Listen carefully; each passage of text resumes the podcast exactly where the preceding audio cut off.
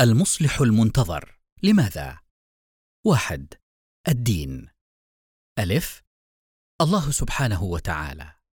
قال الله تعالى وما خلقت الجن والإنس إلا ليعبدون. سورة الذاريات آية 56 وفي الرواية عنهم عليهم السلام أي ليعرفون. فأهم مهمة للمصلح المنتظر عليه السلام هي أن يعرف الناس بالله سبحانه وتعالى ويسلك بهم إلى الله فهو دليل الله سبحانه وحجته على عباده. باء الرسل عليهم السلام.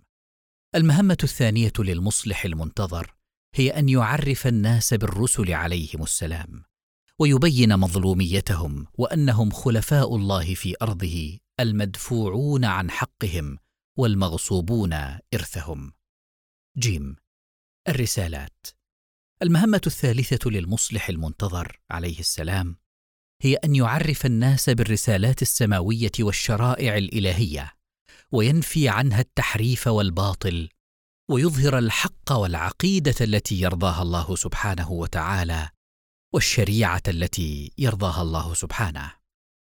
وبالنتيجة فإن أهم ما يأتي به المصلح المنتظر عليه السلام لإصلاح الدين هو العلم والمعرفة والحكمة ويعلمهم الكتاب والحكمة. وقد ورد في الحديث عن الصادق عليه السلام العلم سبعة وعشرون حرفا فجميع ما جاءت به الرسل حرفان فلم يعرف الناس حتى اليوم غير الحرفين. فإذا قام قائمنا أخرج الخمسة والعشرين حرفا فبثها في الناس وضم إليها الحرفين حتى يبثها سبعة وعشرين حرفا.